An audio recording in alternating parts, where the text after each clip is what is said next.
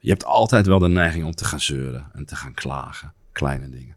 Zeker Nederlanders zijn daar heel goed in. Hm. En, en dan denk ik, eh, hey, niet zeuren. Hè? Je bent gezond. even afkloppen. Ehm, en je mag mooie dingen doen. Je bent bevoorrecht. Ehm, dus wie ben ik nou eh, om me niet bezig te houden met geluk? Hè? Dat, dat, eigenlijk draai ik het om. Als je gevrijwaard bent van eh, allerlei sores, eh, ja, dan ben je eigenlijk heel gelukkig. Leuk dat je weer kijkt of luistert voor deze nieuwe aflevering van de Podcast of Hope. Vandaag hebben we in de studio hoogleraar duurzaamheid en transitiekunde, Jan Rotmans. We gaan het onder andere hebben over klimaat, chaos en transitie en hoe dit in relatie staat tot geluk. Podcast of Hope, moving towards happiness. Nou, leuk dat je er bent. Ja, fijn om hier te zijn. Ja, nou onze podcast gaat over geluk en ja, onze eerste vraag is dus, is geluk een onderwerp wat je veel bezighoudt in het dagelijks leven? Ja, best wel. Ja? Ja. Dat, ehm, nou, ik ben altijd met grote dingen bezig, grote problemen. Hè, klimaatverandering, eh, duurzaamheid, transities.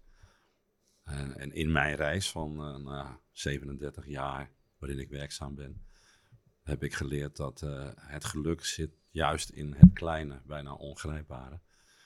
En zeker als je zelf een aantal tegenslagen hebt gekend, dan zie je dat, ehm, dat je vaak voorbij gaat aan de essentie. Eh, we zijn toch vaak bezig met ruis. Het najagen van succes en roem en geld en materie. En op het moment dat je echt in een persoonlijke crisis terechtkomt, dan eh, telt dat allemaal niet meer. Ja. En dan besef je pas eh, wat de waarde is van echt geluk. Eh, echt geluk zit dan in ehm, dat je kinderen gezond zijn. Eh, dat je zelf gezond bent. Dat je liefde mag ontvangen van je naaste en dat je liefde mag geven. En je bent eigenlijk 90% van de tijd niet bezig met geluk. Maar najagen van iets wat je eigenlijk niet gelukkiger maakt. Als, eh, ja, ik heb natuurlijk zelf van alles meegemaakt. Hè. Eh, ik, ik sta voor kleine zalen, grote zalen. Als ik voor een zaal van duizend mensen sta en dan eh, vertel ik een verhaal, ik, ik gebruik alle energie die ik heb en passie. En daarna zit je in je kleedkamer, ben je eigenlijk heel ongelukkig. Want je hebt even genoten van de aandacht. Maar echt contact met mensen maak je dan niet. Dus dan ben je alleen en dan denk je, ja, je wil eigenlijk nog meer aandacht. Maar dat telt helemaal niet. Je wilt eigenlijk contact met een paar mensen met wie je dan op een dieper niveau eh, verbinding voelt. En eh, ja, mijn kinderen zijn eh, toen ze allebei heel jong waren ernstig ziek geweest. Hè, bijna dood. Mijn zoon toen die 2,5 was, mijn dochter toen ze 7 was. Ja, en eh, ja, ik, ik eh, was best succesvol. Ik had een eigen onderzoeksinstituut. Ik was al jong hoogleraar. Ik was de jongste in Nederland. Ik dacht, ik kan alles naar mijn hand zetten. En dan gebeurt er zoiets. En dan ben je ongelooflijk klein en, en nederig. Je wil maar één ding. Dat je kinderen overleven en gezond worden. En mijn dochter kreeg hersenvliesontsteking. Ehm, mijn schoonmoeder ook, die had haar geïnfecteerd. Mijn schoonmoeder overleed binnen 24 uur en mijn dochter bijna had dezelfde bacterie. Meningokokken B42, zal ik nooit vergeten. Ja, mijn, mijn vrouw was bij haar moeder. Eh, dat lichaam moest in het buitenland, Zwitserland, gerepatrieerd worden. En ik zat alleen met mijn dochter op de intensive care. En dan heb je drie fasen. Je hebt hersenvliesontsteking. In de tweede fase heb je overal eh, van die bloedpuntjes, bloedvergiftiging. En de derde fase slaat het op je organen, sepsis.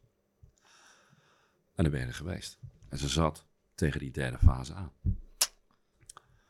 Eh, en ze kon helemaal niks meer zelf. Eh, aan de beademing, geen contact meer. En ik keek naar buiten en de wereld draaide door. Ik dacht, hoe kan het nou dat de wereld gewoon doordraait? Ik, ik zit hier alleen met mijn dochter, met wie ik geen contact meer heb. Eh, ik vroeg aan de artsen, wat kan ik doen? Ja, hopen en bidden, zeiden ze. Ja, daar, daar sta je dan met al je ratio en al je theorieën en filosofieën. En eh, ja, hopen op een wonder, zeiden ze. En, want ja, die bacterie, die eh, doden ze wel met antibiotica, maar die laat gifstoffen achter, die komen in je bloedbaan en dan gaat het razendsnel. En dat kunnen ze niet stoppen. Dus dan kan je inderdaad alleen maar hopen. En gelukkig na twee nachten, uiteindelijk uh, overleefden ze dat. Als door een wonder. En zonder ook al te veel restschade. Hm. Maar dat hakte enorm in. Ja. En uh, nou ja, twee jaar geleden werd ze toch weer ernstig ziek. Uh, en, en, en toen dacht ik, ben ik er toch weer ingetrapt. Uh, ja, kanker. we hadden net een appartement gekocht. In coronatijd. En ja, de, de, makelaar belde van, nou, mooi, mooi deel. Ik zei, nou, we gaan het vieren, champagne, maar ja, in coronatijd. Ik zeg, ja, moeten we een paar dagen wachten. En toen belde mijn dochter een half uur later. Nou, ik heb heel slecht nieuws. Ik denk, wat de heck, ben ik weer met een huis bezig. Materie. Ja, dan krijg je toch alweer een klap om je oren. Dan denk ben ik toch weer met ruis bezig geweest in plaats van met de essentie. En, uh, maar ja, het voordeel was, het was goed behandelbaar. En, uh, dus ja, ze heeft het lang verzwegen. Hè. Ze wilde daar niet over praten. uiteindelijk werd het stabiel, gelukkig. En toen wilde ze dolgraag een kind zwanger worden. Dat mislukte, een miskraam. En nu is ze weer zwanger. En uh, dat zag er in het begin ook niet goed uit. Maar uiteindelijk lijkt het goed te gaan nu. Maar dat is, dat is ontzettend heftig. Dat, Ja. dat, kijk, als je met zo'n meisje zit. Ik dacht, ik heb het liever zelf. Laat, laat mij het krijgen. Maar niet zo'n meisje van zeven jaar. Eh, ja. En, en dan uh, denk je van, uh, het is eigenlijk een, een onrechtvaardige wereld. Hè? Maar dat, dat, er komen dingen op je pad waar je nooit voor doorgeleerd hebt. Hm. En toen kreeg ik zelf ook nog een ernstig fietsongeluk, dus ik moest een jaar revalideren. Dat, de, ja, de foto daar, dat is een half jaar na mijn ongeluk. Ik ben maanden onherkenbaar geweest. Ik had alles gebroken wat je kunt breken. Ging over de kop, op mijn racefiets, plat op mijn gezicht, in de Franse Pyreneeën, op de Obisque werd wakker in het ziekenhuis van Lourdes. Daar konden ze me niet helpen, dus ik moest uh, naar Po worden vervoerd. Daar kwam een super specialist en die ging aan de slag na één nacht. En uiteindelijk is het allemaal wel goed gekomen na uh, acht operaties. Technisch best goed geheeld. Maar van binnen voelt het wel als gebroken. Je moet eigenlijk opnieuw leren praten en denken. En ik heb geluk gehad, want zonder helm was ik uh, dood geweest. En ik had voor het eerst van mijn leven een helm aan op mijn racefiets. Oeh. Cadeautje van mijn moeder, een paar weken voor mijn vertrek. dus ik dacht, nu krijg ik een tweede kans. Ja. Mhm. En toen ben ik activistisch geworden. Want ik dacht, ja, ik moet meer doen dan mijn kennis, dan alleen maar de wetenschap bedienen. Want ik had uh, mezelf beloofd toen ik heel jong was, uh, een ventje van een jaar of vijf, ik wil de wereld een beetje mooie kleuren. En ik wil ook professor worden. Dat schijn ik uh, geroepen te hebben. ik had een enorme zucht naar kennis. En toen dacht ik, nou, dat laatste is gelukt, professor, maar de wereld een beetje mooie kleuren, dat deed ik niet. Hooguit de wetenschap. Maar ja, dan bereik je een paar duizend mensen. En toen ben ik op de barricades gaan staan. En ja, toen heb ik ook onder andere Urgenda opgericht. eh, Nederland kantelt.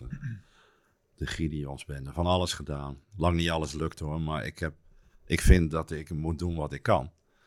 Om de wereld een beetje mooi te kleuren. En, en als het niet lukt, wil ik er alles aan gedaan hebben. Dus Ja. toen ben ik anders in het leven gaan staan. En het is alleen jammer dat veel mensen een persoonlijke crisis nodig hebben.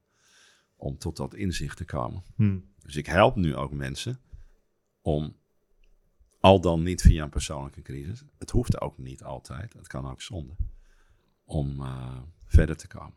Ja, ja, ik wil het zo, sowieso zo meteen nog hebben over al die dingen die u doet. Maar ik vraag me allereerst af, want we vroegen u dan naar geluk. En u zet dat in contrast met heel veel, ja, best wel veel heftige dingen die u heeft meegemaakt. Um, maar hoe lukt het u dan om dat geluk te vinden tussen al die heftige dingen? Er zijn waarschijnlijk ook heel veel mensen die bij de pakken neer zouden zitten. En misschien, ja, en die ongelukkig daarvan zouden raken. Nou ja, uh, een van mijn beste vrienden, die staat daar, Kees Klein Hesselink. Die is uh, vorige maand overleden, is maar 60 jaar uh, geworden. Uh, ja, hij had ook kanker en kwam in zijn maag terecht, melanoom. Dus dat was eigenlijk binnen drie kwart jaar afgelopen. En hij bleef blijmoedig tot het einde. Hij zei, het kan ook nog veel slechter, Jan. Stel je voor dat je in één keer eh, dood bent. Ik kan in ieder geval afscheid nemen nu. Dus als ik kleine problemen heb, denk ik altijd aan dit soort dingen. Eh, en dan denk ik, eh, de voorbeelden die ik noemde, die staan hier uitgestald. Je hebt altijd wel de neiging om te gaan zeuren en te gaan klagen. Kleine dingen. Zeker Nederlanders zijn daar heel goed in. Hm. En, dan denk ik, eh, niet zeuren. Je bent gezond. even afkloppen. Ehm, en je mag mooie dingen doen. Je bent bevoorrecht. Ehm, dus wie ben ik nou eh, om me niet bezig te houden met geluk? Eigenlijk draai ik het om. Als je gevrijwaard bent van eh, allerlei sores, ja, ben je eigenlijk heel gelukkig. Maar het doorleven daarvan en het bewustzijn, daar neem je vaak onvoldoende tijd voor. Dus ik heb een mooi begrip geleerd, kairos-tijd. Eh, de tijd die je voor jezelf neemt. Om te beseffen, ja, hoe gelukkig je bent. Eh, we hebben de chronos-tijd, dat is de lineaire tijd. Hè, die Hmm. jaagt ons op. Maar de oude Grieken hadden het begrip kairos-tijd. De tijd die je voor jezelf neemt voor verdieping en verstilling. En uit onderzoek blijkt, als je dat doet, frequent, dat je daardoor een geluksgevoel kan ervaren. Eh, en, en, en dat is mooi. Hè? Ik, elke avond ga ik wel in het donker zitten en dan zoom ik uit. En dan kom ik even tot mezelf, noem het een soort praktische meditatie. Elke week doe ik het, elke maand, elk jaar. En het blijkt ook, als je eh, zingevend bezig bent, dat je daardoor gelukkiger wordt. Mhm. Andersom niet noodzakelijkerwijs. Hè. Als je streeft naar geluk, wil niet altijd zeggen dat je zingevend bezig bent. Dus voor mij zit het niet in het streven naar geluk, want dat is een hele industrie geworden tegenwoordig, die vooral over de buitenkant gaat. Ja. En eigenlijk vinden die mensen het niet. Het zit hem ook niet in technieken zozeer of methoden, maar het zit hem meer in de tijd en de ruimte die je jezelf geeft om die reis naar binnen te maken, zoals ik het noem. Wij zijn allemaal gericht naar buiten, uiterlijkheden, maar de reis naar binnen, wie ben je eigenlijk zelf? Wat is je innerlijk kompas? Hè? Wat zijn mijn diepere drijfveren? Het gaat er niet om waar je uitkomt, maar als je bewust tijd neemt om die reis naar binnen te maken, dan ontstaat er vanzelf ruimte voor eh, zingeving en uiteindelijk ontleen je daar een soort van geluk aan. Ja, geluk is bijkomstig aan de zingeving. Ja, Ja. ja. En in die geluksindustrie wordt het een doel op zich. Mhm. Terwijl het doel telt niet, maar de reis er naartoe. Eh, eigenlijk zei Goethe dat al. Mhm. Eh, het is niet het doel dat telt, maar, maar de reis. Ja. Want je gaat toch verdwalen. Nou, verdwalen vinden mensen eng. Nou, als ik kleine groepen meeneem naar een eiland, dan leer ik ze verdwalen. Om de controle los te laten. Het is heerlijk om te verdwalen, fysiek, maar ook geestelijk. En dat je uit die controlemode stapt. Nou, mensen vinden dat heel eng in het begin. Op een gegeven moment willen ze niks anders meer. En, en wij leven natuurlijk in een eh, knalharde efficiency samenleving die nauwelijks tijd en ruimte biedt voor dit soort zoektochten. En als we het doen, doen we het in de vorm van zelfhulpboeken. Hè? ja, je ziet hier heel veel liggen. Ja, ik zie de heer eh, zelfhulpboeken. De hele Nou, tafel ligt vol. 10 tips voor, eh, eh, om gelukkig te worden. 10 tips om succesvol te worden. Nou, ik heb nog nooit zo'n boek eh, echt gelezen. Want dan weet ik al, het is heel persoonlijk. Mhm. Wat voor jou en voor jou geluk is, is voor mij Ja. anders. Hoe kan je nou in generieke zin 10 tips formuleren? Ik geloof wel helemaal niet in tips. De- hier las ik een, een boek van, nou, dit is het. Ja, wat stond er? Het Ja, meest let- belangrijke boek. het belangrijkste boek wat je ooit in handen hebt gehad. Dan heb ik al niet de neiging om het te gaan lezen. Nee, een Eh, hele uitspraak ook. Ja. Ja, hè, dus ehm, het zit hem in iets heel anders dan tips en trucs. Het, het, eigenlijk zit het er al. Mhm. Het is veel eenvoudiger Ja. dan mensen wordt opgelegd en verteld. Het punt is, haal je het eruit wat er zit? Neem je daar zelf de tijd voor en de ruimte? Gun je dat zelf in plaats van door te blijven jagen en te hollen? Soms zeg ik wel eens, ik wou dat mensen minder tijd namen om al die boeken te lezen. En wat meer tijd om rustig te reflecteren vanuit een soort kairos gedachte. Ehm, Dan stel ik mensen een vraag, hè? Als ik ze meeneem naar een eiland. Eén vraag. Doe jij werkelijk wat je wilt? Lijkt een ogenschijnlijk makkelijke vraag. Mhm. Ja, zeggen mensen, ik doe al wat ik... Nou ja, niet helemaal. Ja, ja, precies. Maar dat kan ook niet helemaal. Ik zeg, hoezo niet? Ja, niemand doet helemaal 100% wat hij wil. Ik zeg, nou, volgens mij ik wel. Oh, ik zeg, ga eens rustig wandelen, verdwaal, ga eens nadenken over die vraag. Nou, na drie uur zijn ze er nog niet uit. Of ze durven toe te geven dat ze inderdaad niet doen wat ze willen, maar willen wat ze doen. Ja. Je, het gaat ook niet om de antwoorden, maar jezelf de ruimte gunnen om de, om de juiste vragen te stellen. En eh, iedereen zegt hetzelfde hè, na vijf dagen. Ik neem nooit de tijd voor mezelf om die vragen te stellen. Laat staan te beantwoorden. Mhm. En dan komen ze tot diepere inzichten, waaruit altijd blijkt dat die al in hun zaten. Eh, hè, ik, ik had iemand en ja, die, die wilde dolgraag een boek schrijven. Maar die dacht, dat kan ik niet. Eh, dus ik heb iemand ingehuurd om dat boek te schrijven. Ik zeg, maar waarom doe je het zelf niet? Ja, dat kan ik niet. Ik zeg, hoezo dan niet? Ja, ik denk dat ik dat niet kan. Ik zeg, nou, weet je wat? Als je iemand inhuurt, weet je zeker dat je het niet kan. Want dan vertrouw je jezelf niet. Ik zeg, neem afscheid van je ghostwriter en probeer het zelf eens. Nou, ging wonderbaarlijk goed. En na een jaar lag er een boek van haarzelf. Nou, ik heb niet veel gedaan. Ik heb alleen een zetje gegeven. Maar dan haal je uit wat er al in zit. Ja.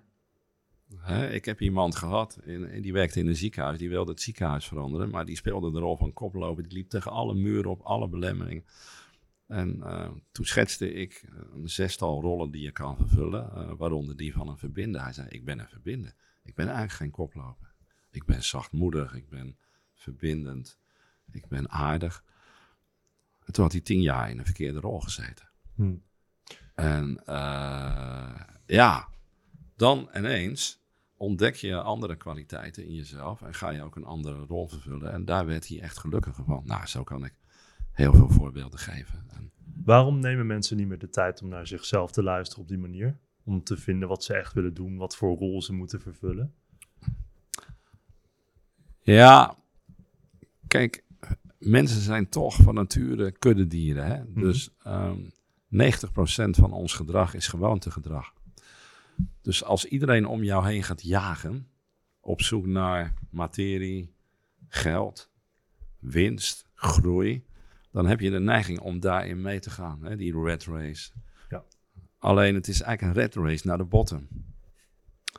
Er is wel een soort verband hè, tussen materie, geld en geluk. Eh, een oud collega van mij, Ruud eh, Veenhoven in Rotterdam, Hm. was hoogleraar op het gebied van geluk. Hebben wij ook in de podcast gehad. Ja, en, en, en die heeft wel een soort correlatief verband gevonden. Hè? Dus ehm, ja, als je onder een bepaald niveau zit qua materie, inkomen, ja, dan kan je daar minder gelukkig van worden. Maar als je daar boven zit, dan maakt het eigenlijk niet uit of je drie of vijf of tien keer meer verdient. Hè, dus laten we zeggen, eh, nou ja, die, die getallen ken ik niet uit mijn hoofd, 40 of 50.000 eh, euro. Ehm, hij liet zien, we zijn de afgelopen 50 jaar drie keer welvarender geworden, maar niet gelukkig. Hm. Nou, dan is het dus al een ontkoppeling gaan. Maar in de economie hè, waarin wij leven, die altijd op zoek is naar meer, meer, sneller, groter, wordt ons aangepraat dat dat ons gelukkiger maakt. Via reclame, via televisie, via internet. En wij volgen dat redelijk slaafs. Alleen, we bereiken nu wel een kantelpunt, want alleen ik al, hè, in mijn bescheiden hè, eh, kring van kringen, zie duizenden mensen die op een kruispunt staan. Die denken, dit is een heilloze weg, wij moeten een andere afslag nemen. Dit werkt niet meer. En op wereldniveau zie je dat ook. Je ziet ook bij de jeugd eh, dat die ontzettend kwetsbaar zijn. En dat door de enorme druk die op ze wordt gelegd, die daar duidelijk ongelukkig van worden. Ehm, en, en de wal keert dan het schip. Dat is het voordeel van het nadeel. Dus als zoveel mensen bij de psycholoog, bij de psychiater terechtkomen. eh, uit Australisch onderzoek blijkt dat eh 80% van de kinderen eh, in Australië, en wereldwijd is dat ongeveer 70%, zich ernstige zorgen maakt over de ecologische crisis. Bijvoorbeeld klimaatverandering. En dat een significant deel leidt aan ecodepressies. Nou, toen ik begon met onderzoek naar klimaatverandering, had ik dat nooit kunnen denken. Dat mensen gingen lijden aan ecodepressies. En eh, ook psychiaters die ik ken, die hebben daar in toenemende mate last van. Die krijgen jongeren in hun eh, wachtkamer die daar last van hebben. Dus dat is nogal wat, maar het zit hem ook in het kleine. Toen mijn kinderen naar de middelbare school gingen, toen schrok ik echt. Wat een druk daar op dat onderwijs staat. Kinderen mogen absoluut niet naar het VMBO gaan, dat is al een, een afgang. Die moeten het liefst naar HAVO-VWO gaan. Terwijl driekwart van het onderwijs bestaat uit VMBO en MBO. Mhm. Dat is ook het scharnier van de nieuwe economie, hè, de maakindustrie. Nou ja, en dan moet eh, eh, de school moet maximaal presteren, de docenten ook en de leerlingen ook. Dus er staat een enorme drang en dwang op dat systeem. Niemand wordt daar gelukkiger van. Dat hele toetsingsmechanisme, dat, dat is heel beklemmend. Vroeger, toen ik op de lagere school zat, hadden we de CITO-toets. Er werd nauwelijks aandacht aan besteed. Want eh, de docent die had het laatste woord, die kende je goed genoeg. In twijfelgevallen maakte hij gebruik van de toetsscore. Ja. Nu opent het NOS-journaal met deze week is de CITO-toets eh, begonnen. Dan denk ik, what the heck? Is dat nieuwswaardig? en er is nog nooit een verband gevonden tussen mensen die daar hoog op scoren en een succesvolle carrière. In welke zin dan ook. Waar maken we ons dan zo druk om? Sowieso benutten we maar een derde van de potentie van kinderen. Kinderen zijn het meest creatief op hun vierjarige leeftijd. Daarna persen we ze in een corset. En dan doen ze eigenlijk niet meer de dingen die ze willen. Mhm. Dus wij eh, gaan gelijk rubriceren. Iemand indelen, die kan dit wel, dat niet. En we kijken niet eens naar wie die kinderen zijn. Hè? De hele mens, zo gezegd. Nee, we kijken wat ze doen en wat ze kunnen en niet kunnen. Dus het zit op fundamenteel niveau zit het al mis. Dat zie je in de zorg, in het onderwijs. En daar worden heel veel mensen ongelukkig van. Zijn we nu opeens verkeerd bezig? Of is het altijd al zo geweest, maar moeten we het nu aanpassen aan hoe wij nu zijn als mensen, als samenleving? Nou, het is en en. Je ziet hè, dat het gegroeid is sinds de 19e eeuw, industriële revolutie. Mhm. Dat zorgde voor een versnelling. We gingen dingen eh, op grote schaal produceren. We gingen het massale doen. De hele economie, het kapitalisme, daarna het neoliberalisme. Dat zet een enorme druk op mensen. En de neiging naar efficiëntie, hè, het woord wa- wat ik eigenlijk, waar ik een enorme hekel aan heb. Eh, ik ben in, in al die operaties uitermate efficiënt behandeld. Eh, maar eigenlijk nooit echt als mens gezien. Ja, wel door de verpleegkundige. Dat zijn mijn echte helden. Maar niet door de eh, chirurg, die alleen maar naar mijn foto's keken. En eh, zelfs een uitgestoken hand weigerde af en toe. En zeiden, ga maar liggen. Dus je wordt efficiënt behandeld, eigenlijk als een soort technisch artefact. Ja. En daar zit inmiddels ook wel verbetering in. Hè, maar even terugkomend op jouw vraag. Het is de laatste decennia in een stroomversnelling terechtgekomen. Als de groei van de groei afneemt, worden we al nerveus. Het hele mechanisme van de beurzen. ja. Ja, als de groei van de groei afneemt, Ja, ja, ja. wat, is, wat is dit voor gekheid? Dus ik stel de waanzin daarvan ter discussie. Eigenlijk ben ik inbreker in het gangbaar. Dit is niet normaal. Ja. Dat wij nerveus worden als de groei van de groei afneemt. Laat staan als de groei afneemt. En, en, en waarom eigenlijk? Want er is zoveel volatiliteit. Het gaat voortdurend heen en weer. Maar die toenemende druk van dus en het kapitalisme, neoliberalisme en zo, is dat wat nu dan uiteindelijk die ehm, Transitie? transitie tot stand brengt? Eh, ja, aan de ene kant wel. Hè, kan je wijzen naar die externe factoren. Maar ik zeg altijd, wij zijn het systeem. Ja. Daar moeten mensen dan over nadenken. Want die zeggen, ja, maar wat kunnen wij er nou aan doen? Dat is allemaal zo groot en complex. Eh, ja, ik, ik, ik lees ook boeken daarover van mensen die het systeem de schuld geven. Hè. Roxane van Ypres heeft een prachtig boek geschreven. Ja, die zegt, ja, wij zijn kansloos tegen het systeem. Ja, wacht even, zeg ik dan. Dan leid je aan de illusie van machteloosheid. Wij zijn zelf het systeem. Wij hebben zelf het kapitalisme bedacht. Mhm. En hebben, zijn we ook eh, bij geweest. We hebben er ook van geprofiteerd. Hetzelfde geldt voor het neoliberalisme. Ja. We zijn niet voor niks welvarender geworden. Wij zijn ook in staat om dat te veranderen. Maar dan moet je niet denken dat je het niet kan veranderen, want dan lukt het nooit. Dus als je dat als uitgangspunt neemt, dan kom je naar de interne factor. Wij zijn het systeem. Een deel van ons is hebzuchtig, egoïstisch. Een deel is ook altruïstisch. Uh, in de economie leer je uh, het antropocentrische perspectief. Wij zijn homo economicus. Maar in de ecologie leer je juist dat we ook ecocentrisch kunnen zijn. En we kunnen ook sociocentrisch zijn. Het is een mix. Maar het dominante wereldbeeld is dat wij een homo economicus zijn. En altijd streven naar meer, meer, meer. En het maximeren van ons nut. En, en dat is vernuikend. Daar gaan wij ons naar gedragen. Dus uh, het blijkt uit het laatste klimaatrapport dat als wij ons gedrag echt veranderen, dat we tot 70% minder CO2 kunnen uitstoten. Dus ik heb het niet over technologie of over beleid, maar het gedrag. Mhm. Maar dat betekent dus minder spullen bezitten, hè, minder Ja. eh, vliegen, minder vlees eten. eh, al dat soort dingen weten we wel. Maar we gaan excuses verzinnen van ja, eerst de Chinezen en de Indiërs en, en de buurman, maar wij niet. Nou, dat is dat hebzuchtige en egoïstische. Dus wij wijzen graag naar anderen en naar het systeem, maar wij zijn het systeem. Als wij beginnen, dan gaan die systemen ook snel veranderen. Want je bent geen individu, je bent een intervidu. Eh, je bent onderdeel van een community, een ecosysteem, een gemeenschap. Al- Als jij besluit je gedrag te veranderen, beïnvloed jij de omgeving om jou heen. Mhm. Die omgeving, als die dan verandert, beïnvloedt ook weer de omgeving om hen heen. En zo krijg je kringen van kringen van kringen. Ja, maar er is wel een limiet aan hoe ver dat reikt, denk ik. Nee. Waarom? Dat is meer een limiet in jouw denk. Eh, dat zou kunnen, maar ik kan me voorstellen dat wanneer ik daarmee begin, dat inderdaad niet reikt tot China bijvoorbeeld. Jawel, want het, het indirecte effect van jouw handelen is groter dan het directe effect. En het indirecte effect overzie jij vaak niet. Ja. Voorbeeld. Wij begonnen een rechtszaak met Urgenda tegen de staat der Nederlanden, 2015. Dat was natuurlijk nogal heroïs. Ik was niet eens zo'n voorstander, want ja, het is nogal wat. Nou ja, lang verhaal kort. We wonnen in hoger beroep, ook hoogste beroep, tegen alle verwachtingen. Nou, dan dwing je de staat om 15% minder broeikasgassen uit te stoten. Mhm. Dat is mooi, maar dat is het directe effect. Het indirecte effect was vele malen groter. Namelijk dat in tientallen andere landen mensen dachten: ah, er is hoop. Wij gaan ook de staat dagvaarden of bedrijven. Nu zijn er honderden klimaatrechtszaken. Niet allemaal in de geest van Urgenda, maar wel vaak te herleiden tot. Dus dat, dat hadden wij nooit overzien. Mhm. Dat vind ik het mooie. Dus eh, transities, er zijn drie knoppen waar je aan kan draaien: beleid, technologie en gedrag. Het laatste wordt het meest onderschat, het eerste het meest overschat.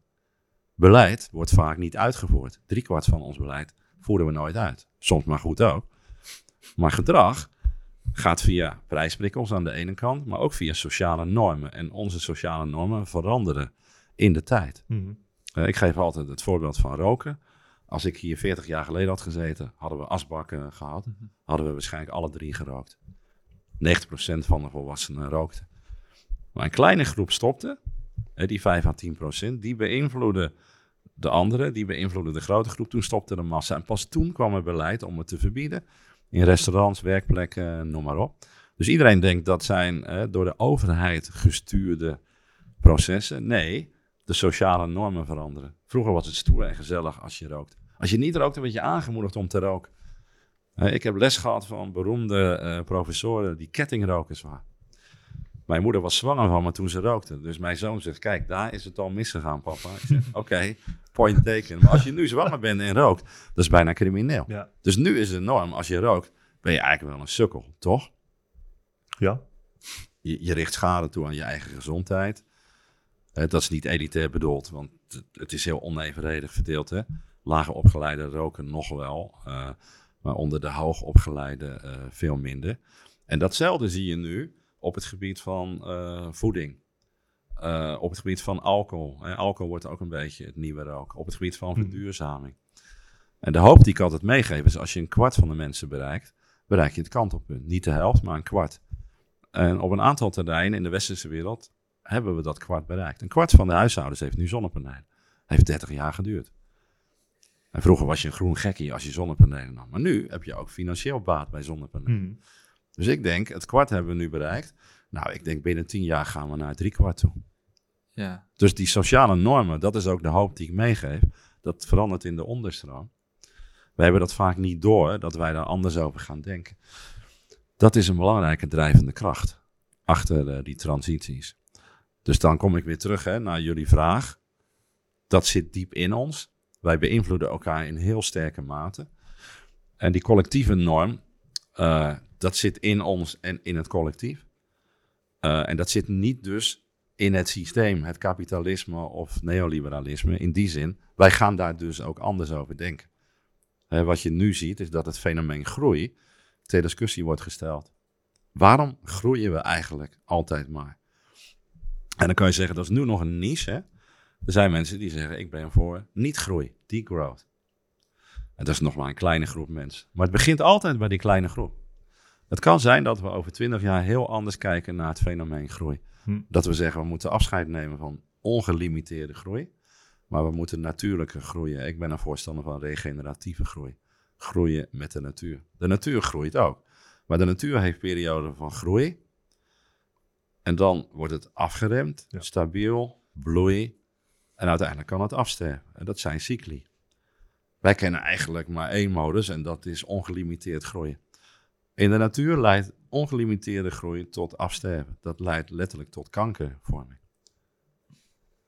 Dus in feite zijn we dan ook kankerverwekkend bezig.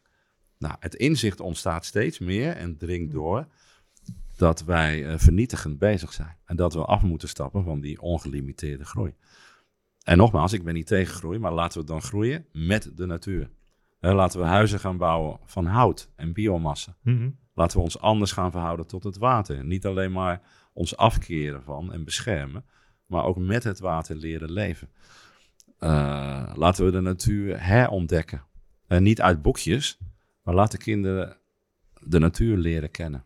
Ja, laat ze naar buiten gaan inderdaad, ja. Zoveel mogelijk. Ja, dat klinkt allemaal heel logisch inderdaad. Ja. Nou ja, veel dingen die ik zeg zijn wel logisch. maar soms is het ook contra-intuïtief. Omdat het haak staat op wat mensen gangbaar vinden. Ja. ja, en dat zijn inderdaad die sociale normen dan, ja. Bijvoorbeeld, omdat iedereen altijd kijkt naar technologie en naar beleid. Ik kijk juist naar gedrag. Iedereen kijkt naar het systeem, ik kijk naar de mens, want wij zijn het systeem. Eh, ik kijk naar de onderstroom. De onderstroom die biedt de kiemen voor de toekomst. Mhm. En dat is vaak contra-intuïtief. Eh, al twintig jaar geleden waarschuwde ik voor hoge gasprijzen en afhankelijkheid. Ja, nu eh, ziet iedereen dat iedereen voelt de pijn. Nu waarschuw ik weer voor grondstoffen. We worden afhankelijk van China qua grondstoffen zoals kritieke metaal. Mhm. Dus ik, ik loop vaak ver voor de tijd uit en nu val ik samen eh, met de tijd, maar ik blijf dingen agenderen die anderen niet zien. Eh, dat is wel een beetje Cruyffiaans. Dus, dus als je goed kijkt, is het logisch. Ja. En als je niet goed kijkt, dan word je elke keer verrast. Eh, ik noem dat blinde vlekken en zwarte zwanen. Dus dingen waarvan je niet weet dat je ze weet, of dingen waarvan je niet weet dat je ze niet weet. We hebben de afgelopen twintig jaar vier grote schokken gehad. Dat waren eigenlijk blinde vlekken of zwarte zwanen. We hebben 9-11 gehad, we hebben Fukushima gehad, we hebben de grote financiële crisis gehad, 2008. Mhm. We hebben corona gehad. Ja. Maar eigenlijk, het merendeel daarvan hadden we kunnen zien aankomen. En de komende 20 jaar verwacht ik weer van die schokken. Kijk, ik begon ooit bij het RIVM onderzoek te doen naar klimaatverandering en niemand had daar aandacht voor. Dus ik ben erop afgestudeerd en gepromoveerd als eerste in Nederland, zo niet Europa. En ik kreeg 33 jaar geleden op mijn promotie geen cum laude. Mijn commissie zei misschien is dit fascinerend onderzoek geweest naar een probleem wat later niet blijkt te bestaan. Nou, Hm. dat is een totaal andere tijd dan nu. Ja. En het mooie is, ik kwam toen Ab Osterhaus tegen, die werkte ook bij het RIVM. Ik zeg, Ab, wat doe jij nou? Ik doe onderzoek naar virusverspreiding. Ik zeg, wauw. Ja, er is ook een relatie met klimaatverandering. Zei. Ik zei, nou, dat vind ik een beetje ver gaan. Maar hij zei, er komt een keer een mondiale pandemie en dan ben ik bijna iedere week op televisie. 30 jaar geleden. Dat hadden we kunnen zien aankomen. Niet precies de manier waarop en de vorm waarin, hè, COVID-19. Maar er zou een keer een uitbraak komen, dat wisten we. Klimaatverandering komt eraan. Dus wat wij doen, wij in onze veiligheidsstrategieën, dat is weer de beperktheid van onze geest, richten wij ons op de normale logica. Dingen die wij verwachten. Mhm. Vaak gebeurtenissen met een grote kans, verwachten we, en een kleine impact, een terroristische aanslag. Maar gebeurtenissen met een kleine kans, die we eigenlijk niet verwachten, maar een grote impact, COVID, klimaatverandering, die filteren we uit ons bewustzijn, waardoor we steeds weer verrast worden. Een voorbeeld, het zou kunnen dat het internet een paar maanden plat komt te liggen, ergens de komende jaren. Ja, zeggen studenten dat dat kan niet, want dan kunnen wij niet meer werken. Ik zeg maar, dat is toch niet de redenering? Eh, Nee.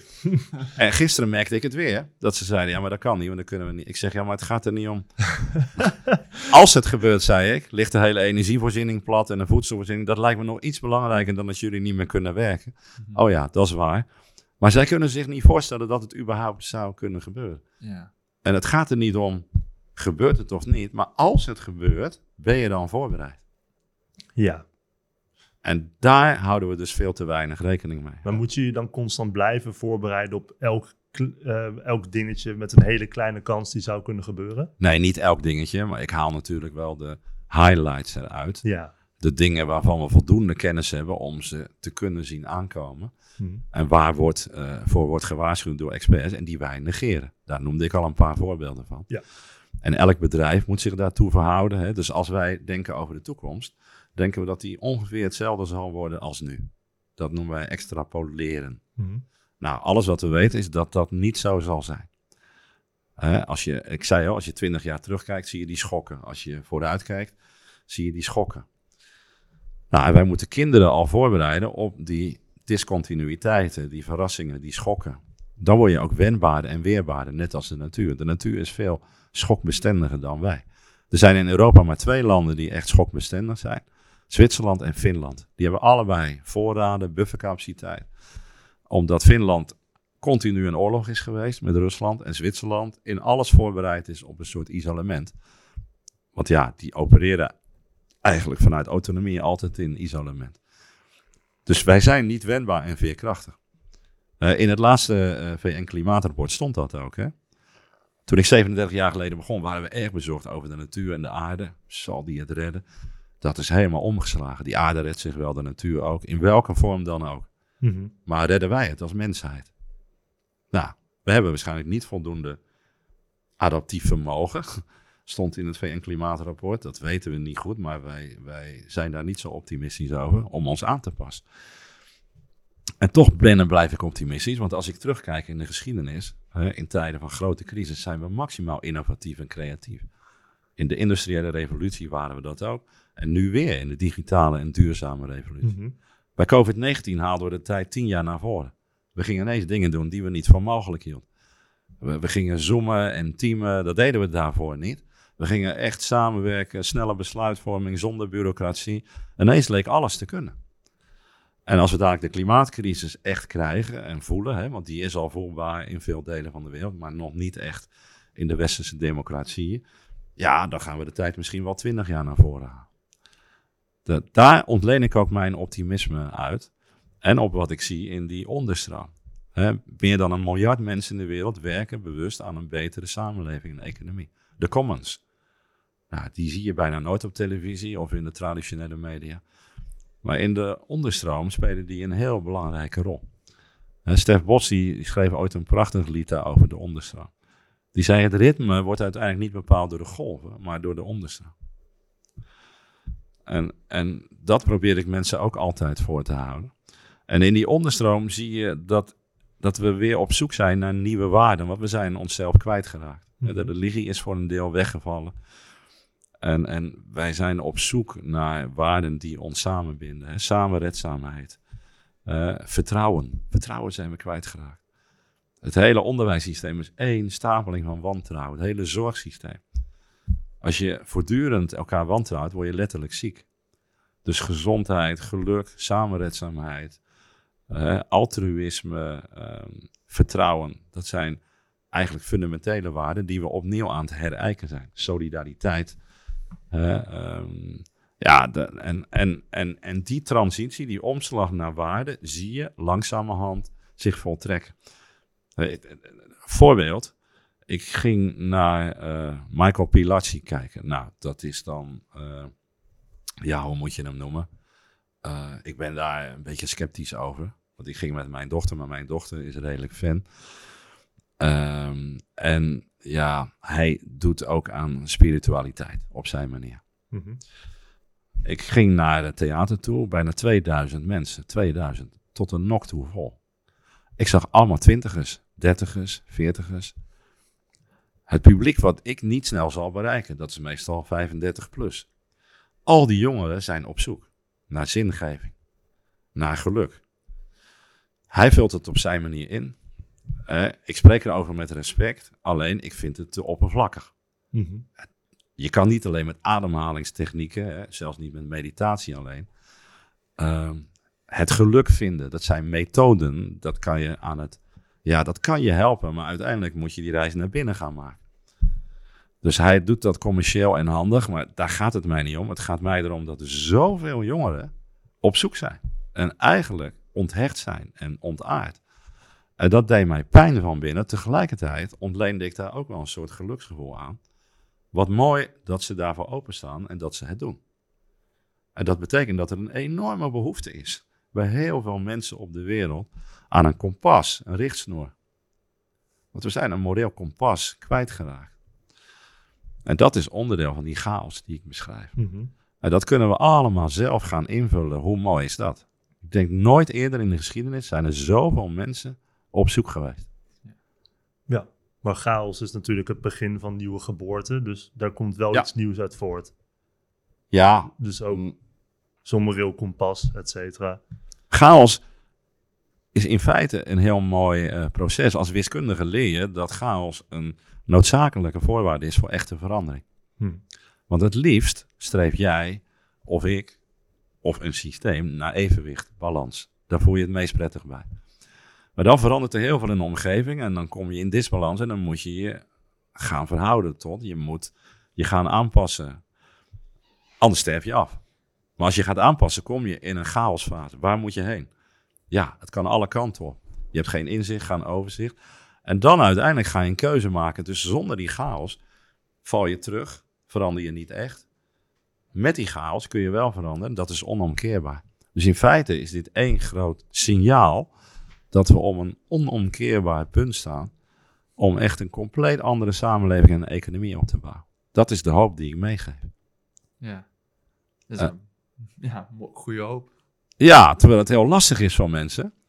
Want veel mensen die eh, geconfronteerd worden met chaos, die denken, ja, eh, we hebben de grip niet meer op ons leven. Ja. Maar de politiek heeft dat ook niet. Dus die worden boos of die worden bang. En eigenlijk is dat, en dat gaat altijd ten koste van ongelijkheid. Want niet iedereen kan zich in voldoende mate aanpassen. En dat was in de 19e eeuw ook zo. Dat kan tientallen jaren duren, maar daar zijn we ook beter uitgekomen. Hè, dankzij vakbonden, onderwijs, woningcorporaties, beleid hè, om armen te helpen, eh, burgerinitiatieven. Na elke crisis zie je een explosie aan burgerinitiatieven. Er zijn nog nooit zoveel burgerinitiatieven geweest in Europa en, en de wereld, ook in Nederland, als nu. Mhm. Er zijn 700 energiecoöperaties, 500 zorgcoöperaties, 400 voedselcoöperaties. Er zijn er duizenden in totaal. Maar dat is het grote grijze midden. Die mensen schreven dat niet van de daken. Die zie je bijna nooit op televisie. We horen de schreeuwers aan de ene kant, de extreme kant, of aan de andere kant. Maar daar, daar tussenin gebeuren heel veel mooie dingen. Ja, want alleen de schreeuwers horen is natuurlijk heel ontmoedigend. Maar dat is dan net waar je niet naar moet kijken. hè? Nee, daar word je cynisch van. Ja. Ik kijk ook vaker niet dan wel naar het nieuws. Hm. Eh, want ik leer mijn eh, studenten altijd. Hè. Je hebt drie lagen waarop je kan kijken. Gebeurtenissen van dag tot dag. Dan heb je eh, voorvallen van jaar tot jaar. Dan kijk je meer op conjunctureel niveau. En op structureel niveau van decennium naar decennium. Uiteindelijk is dat laatste bepalend voor de lange termijn. Ja. En daar zie je dus de kiemen van de onderstroom. Die enorme zoektocht naar nou ja, zingeving, nieuwe waarden. Want we zijn onszelf inderdaad kwijtgeraakt. Nou, en dat is het mooie, dat de wal altijd het schip keert in de geschiedenis. Dat we dan uiteindelijk dingen gaan doen die we niet voor mogelijk hebben gehouden. Hm. Nou ja, en ik vind, er moet meer aandacht komen voor al die mensen die in betrekkelijke stilte werken aan een mooiere, betere, gelukkige samenleving. En dat zijn er veel, veel meer dan die schrijvers. Maar die schrijvers domineren Twitter en andere sociale media. ja. En dat is niet meer dan 10, 15, 20 procent. Dus daar ontleen ik ook eh, eh, de hoop aan eh, voor de toekomst. Ja, top. Want in de 19e eeuw ontstond ook het populisme. Toen het heel zwaar werd, tientallen Mm. jaren, voor de onderklasse. werd er handig gebruik van gemaakt door sommige politici, hè, zoals Abraham Kuyper. En dat voedde het populisme. Nu weer zie je een explosie. Maar die hebben nooit oplossingen en antwoorden. Dus als die aan de macht komen, dan wordt de chaos alleen maar groter. Dat is het voordeel. En eh, ook toen heeft het grote grijze midden ingegrepen.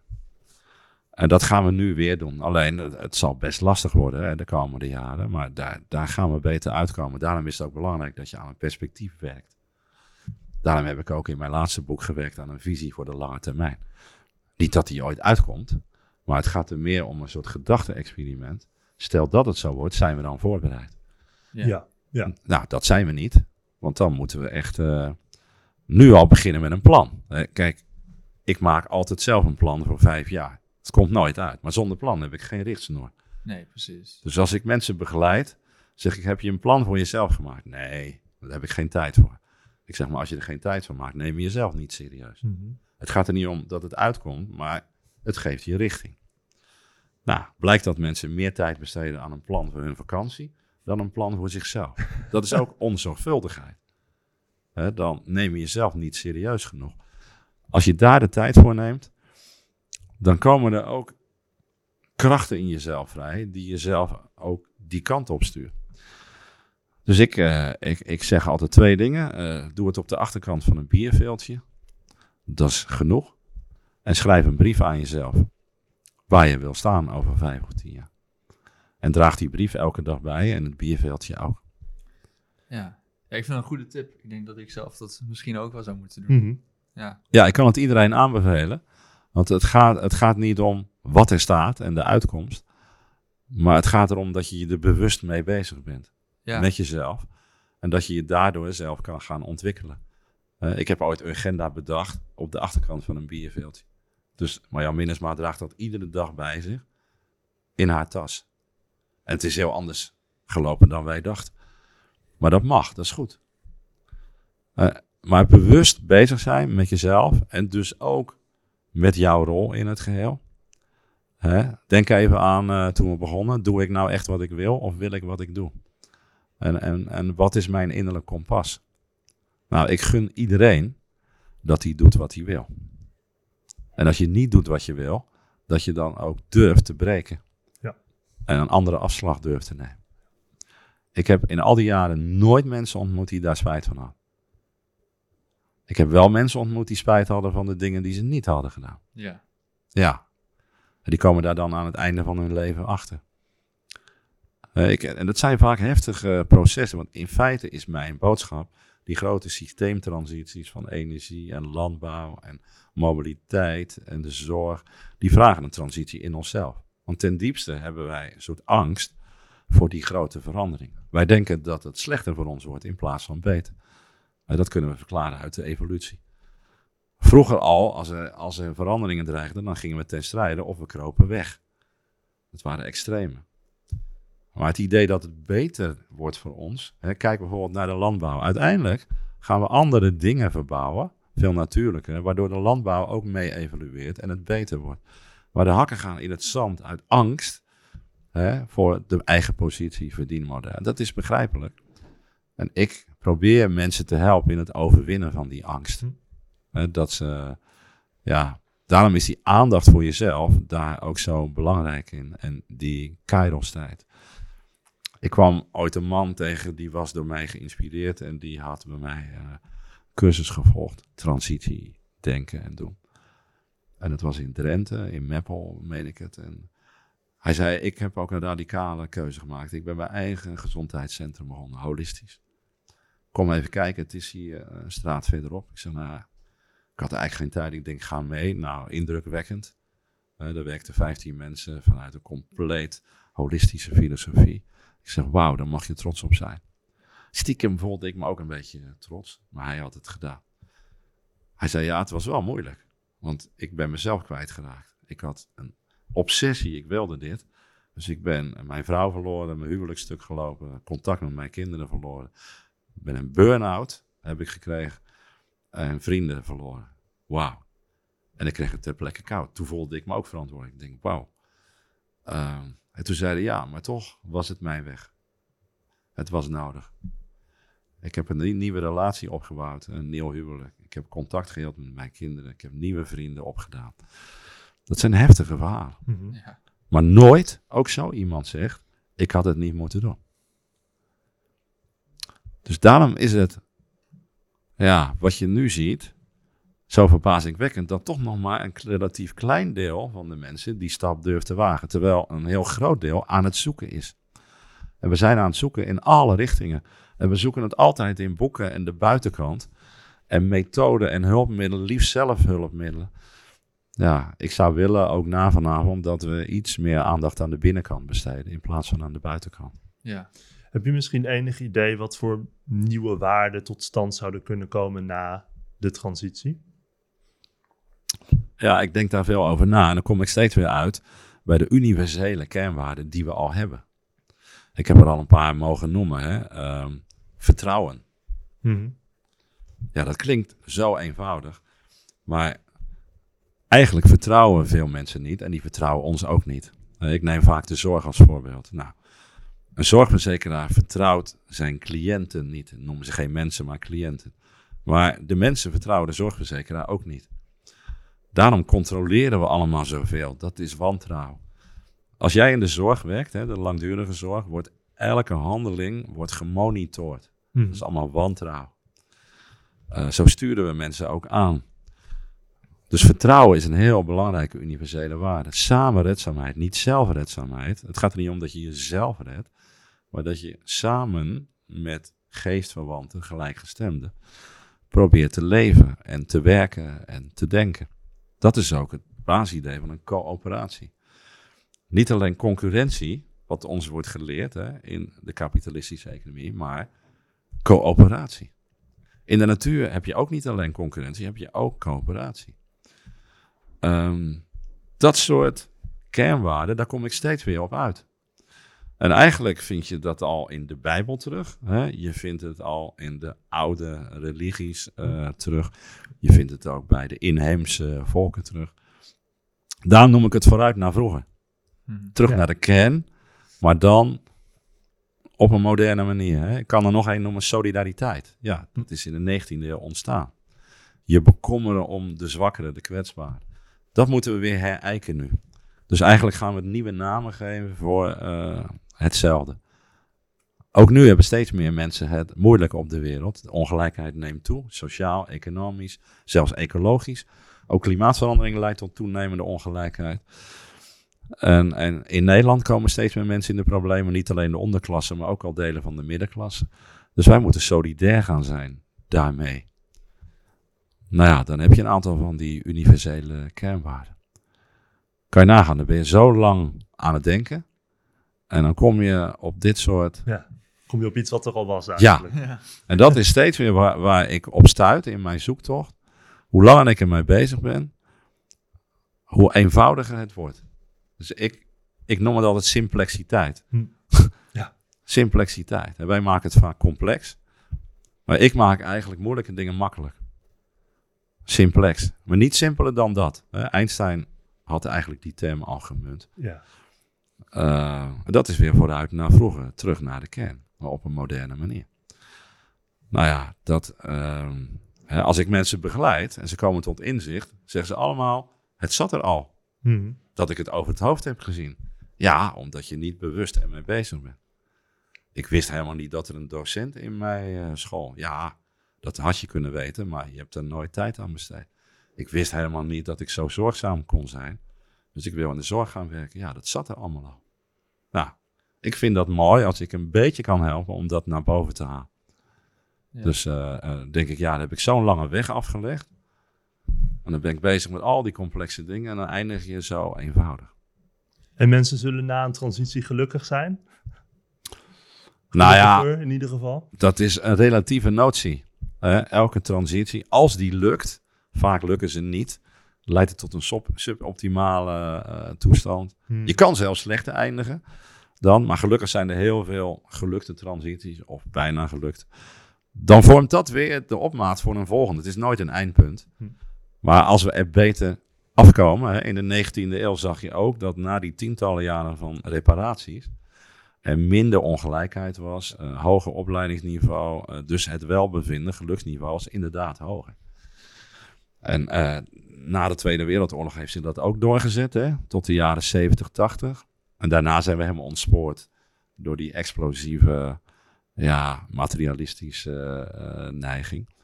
En nu komen we weer in een nieuwe fase, hè, waarin we dat vooral moeten zoeken in onze verstandhouding met de natuur. Wij gaan natuurlijk heel onnatuurlijk om met de natuur en ook met elkaar.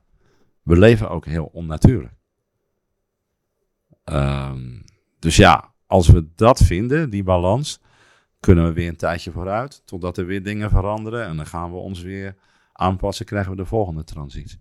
Gelukkig stopt het nooit. Ja, ja. Maar het kan nog tien jaar duren voordat we, hè, uh, ja, ik denk dat we nog veel meer chaos krijgen en uiteindelijk dat we weer naar een nieuw evenwicht toe groeien. Ja. We zijn al even over de tijd heen, maar ik wilde toch nog heel even snel vragen naar het voorwerp. Want we vragen al onze gasten een voorwerp mee te nemen Hmm. waar ze gelukkig van worden of inspiratie uithalen. Ja, Wat heb jij meegenomen? ja ik heb hier eh, twee handen meegenomen en een hartje. Dus die heb ik gekregen vorig jaar van mijn vrouw. Een stenen beeldje is stenen beeldje. En eh, heel klein, maar eh, heel fijn en heel krachtig. Eh, dus wij zijn al eh, bijna 44 jaar samen. En mijn kinderen moeten altijd wel lachen. Die, die zeggen, eh, papa, het is eigenlijk lachwekkend. Je bent bezig met grote veranderingen. jij, jij predikt dat alles moet veranderen. Kijk nou naar jezelf.